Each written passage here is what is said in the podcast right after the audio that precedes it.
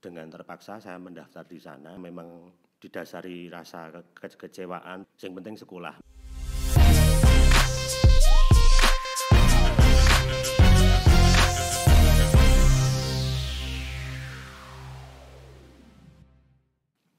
Halo, salam jumpa lagi, salam budaya, berjumpa lagi dengan Berita Teater.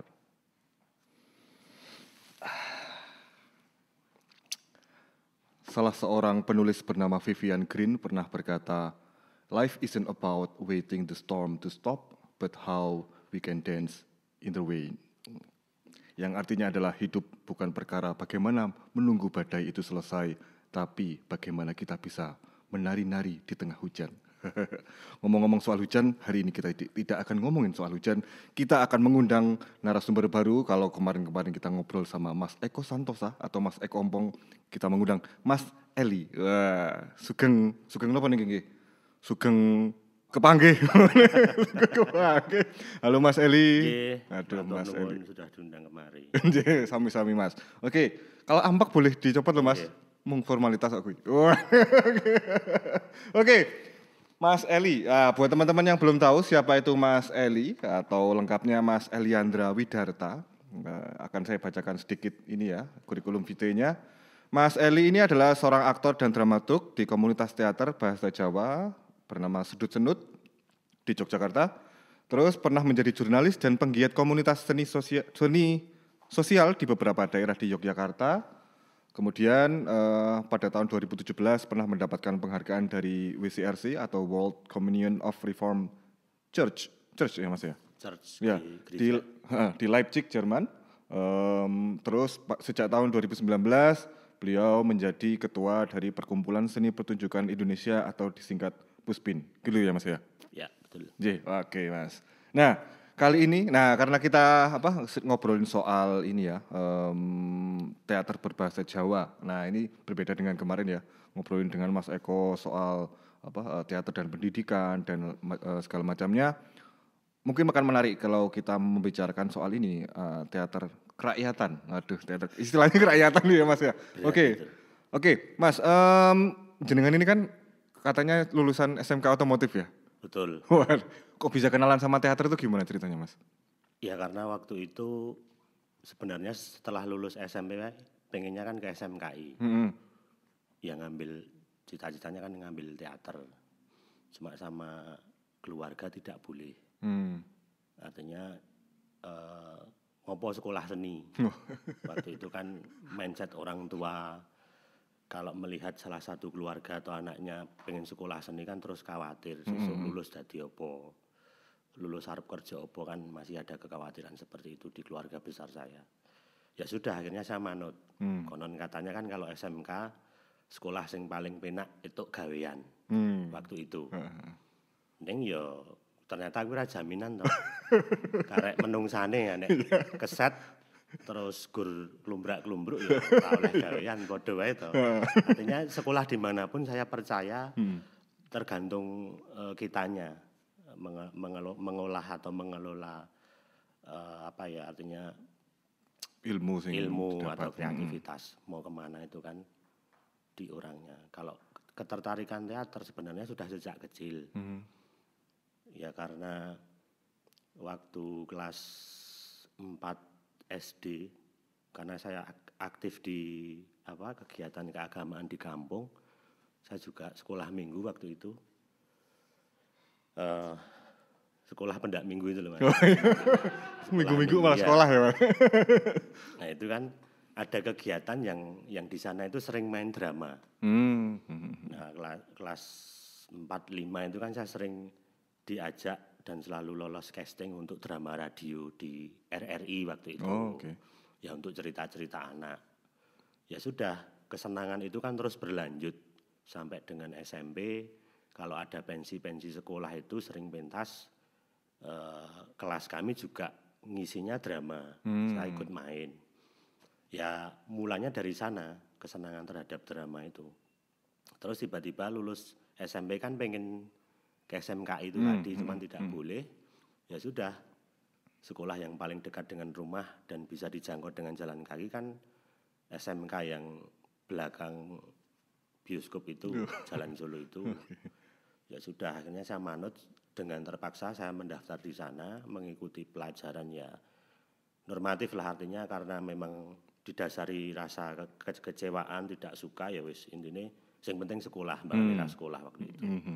Cuma aktivitas mengapresiasi teater masih jalan. Jadi meskipun saya sekolah di SMK otomotif itu dulu masih sering masih sering nonton teater di PKKH waktu itu pernah budaya. Mhm. Misal waktu itu saya nonton teater Gandrik, terus monolognya Pak Butet, teater apakahnya psikologi UGM, terus TGM. Jadi Mhm.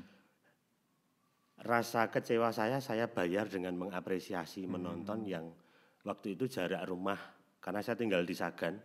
Jadi kalau naik sepeda ke PKKH kan dekat Iya. dan eh, beli tiket waktu itu kan teater masih 5.000 paling banter 7.500 itu menyisihkan uang saku dari sekolah hanya untuk nonton.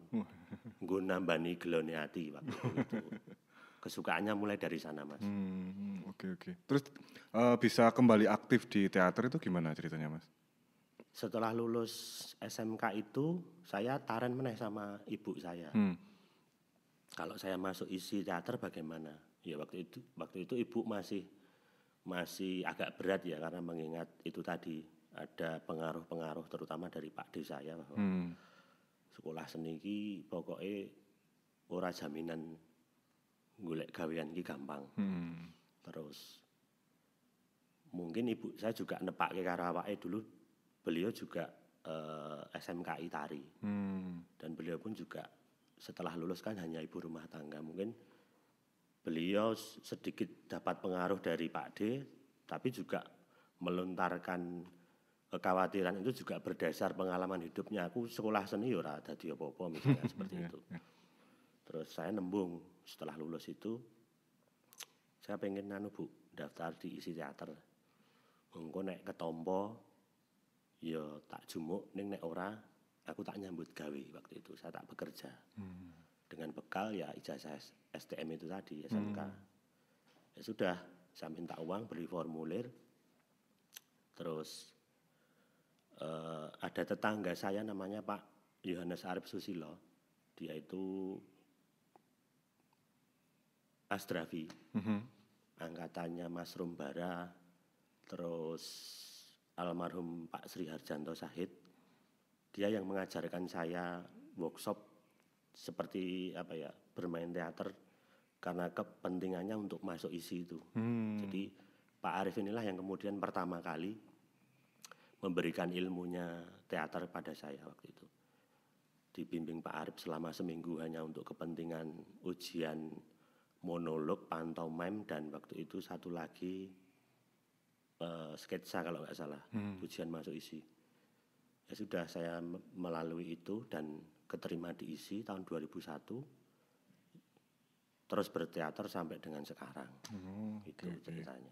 Rampung tapi Thomas. Lulus. Alhamdulillah. Banyak yang tidak lulus ya, Ya. sebenarnya kalau lulus. Tapi ya ya Em, sama mas apa eh, kalau boleh sedikit cerita, aku dulu juga apa kenal teater dulu waktu sejak SD. Ya sekitaran kelas 4, kelas 5 itu terus ikut eskul, SMP juga ikut, terus em, apa SMA, eh, SMA itu aku sempat ilfil, sempat nggak senang sama teater karena eh, ketika sejak SD sampai SMP itu kan teaternya sing ya menyenangkan gitu, sosiodrama. Ketuku apa ketika SMA ketemu sing teater sing sok wah ndaki-ndaki ngono, sing apa wah teriak-teriak gitu lah. Berangkat kambil. Berangkat kambil. ya, terus ya itu unjuk ilfil. Wah, opo to iki? Eh tapi ten- tapi selama sepanjang apa sepanjang SMA itu pun aku juga nggak benar-benar lepas dari teater, juga ada komunitas dari luar dengan apa yang tetap aku ikut. Eh, jadi aku apa tetap ikut berteater tapi nggak di ini eskul, eskulnya SMA. Juan ketika lulus SMA. Nah, ini sama, hampir mirip dengan jenengan apa? Aku pengen ini kuliah di jurusan teater waktu itu. Terus waktu itu aku belum tahu kalau di Indonesia itu ada namanya Institut Seni Indonesia. Tauku cuman IKJ. eh, ngerti kan dari ini tau apa di apa di Mas Dino dari mana tuh? Aku Malang, asli ini Malang, Jawa Timur, Mas. Nah, itu apa? eh, di mana namanya?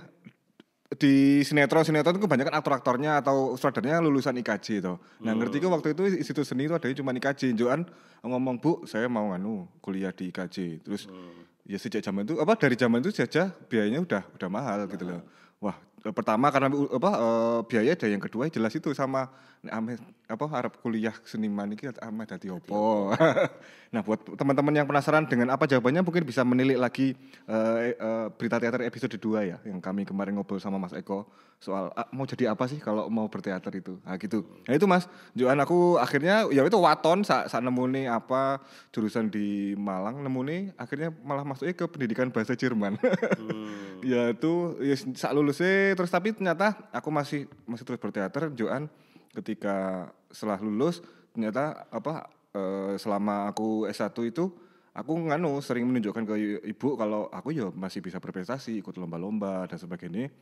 Joan ya, akhirnya ibu percaya akhirnya ketika aku melanjutkan kuliah di Jogja eh, beliau ini apa mempersilahkan aku untuk yos nek ameh jupuk senimannya rapopo gitu yes akhirnya ya kebelaksu Merelakan sampai. Merelakan, ya. gitu ah itu wah malah jadi saya yang banyak cerita ini oke mas nah terus ini mas eh dari Sido Senut kan ini kan teater yang berbahasa Jawa itu eh, memang dari awal ceritanya memang mereka itu eh, jenengan ini foundernya atau atau memang sudah ada sebelumnya Sebelumnya sudah ada. Oh, Jadi gitu. kalau saya bergabung dulu kan namanya komunitas Gogure. Sukagure Aha. Itu anak-anak diinisiasi anak-anak SMKI jurusan teater. Berdiri tahun 98.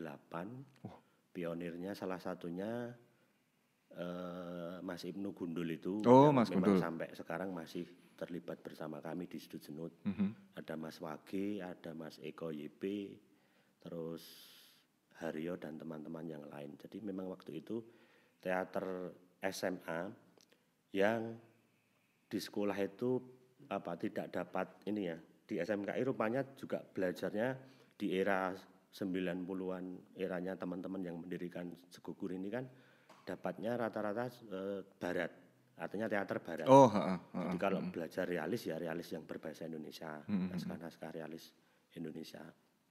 Terus teman-teman ini kan rupanya gelisah. Ternyata eh, mereka bertemu dengan salah satu buku kumpulan lakonnya Gapit, Bambang Widoyo SP itu yang empat naskah itu, eh, yaitu terus mereka berinisiasi mendirikan komunitas Gogur itu. Hmm. Dan pilihannya waktu itu memang langsung bahasa Jawa Hmm.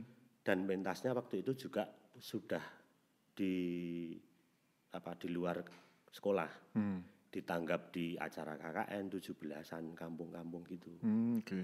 Nah, seiring berjalannya waktu eh, di tahun 2001 kalau tidak salah karena rata-rata di Segogure itu kan semuanya tidak habis lulus SMKI kan tidak melulu itu tadi ada yang ber- masih berteater Hmm, hmm, kemudian ada yang bekerja di bidang yang lain hmm, hmm. yang masih bertahan ini kan cuman tinggal Gundul sama Wagi waktu itu Hmm, oke. ada beberapa teman yang lain tapi juga anggota-anggotaan ketemulah saya dengan Gundul karena masuk isi 2001 itu seangkatan. Dia menawarkan El gelem ra gabung karo kelompokku teater basa Jawa Hmm. 2001 saya masih mengiyakan tapi belum berani main. Hmm. oke aku bantu produksi saja. Waktu itu saya bantu nemplek poster. Wah. jadi kalau sego gurih pentas karena rumah saya di utara artinya dihitung dari Sewon itu kan saya pal- eh, Sagan itu utara ya. Jadi ya kene engko nek pos, masalah poster saya bantu nemplek di beberapa kampus-kampus di utara di UNJ di UGM di di LIP waktu itu juga saya tempel. Jadi 2001 saya masih publikasi istilahnya. Hmm. jadi digawani poster eh, sego gurih tugas saya menempelkan di beberapa teater kampus dan kantong budaya atau mungkin undangan ngatar ke undangan di rumahnya Pak Bakdi salah satunya Hmm, itu Mas sama Bakti Semanto. Nggih. terus baru gabung 2002 Hmm. Baru maksudnya mulai main Mulai 2002. main dapat peran 2002 sampai dengan sekarang Hmm, oke oke.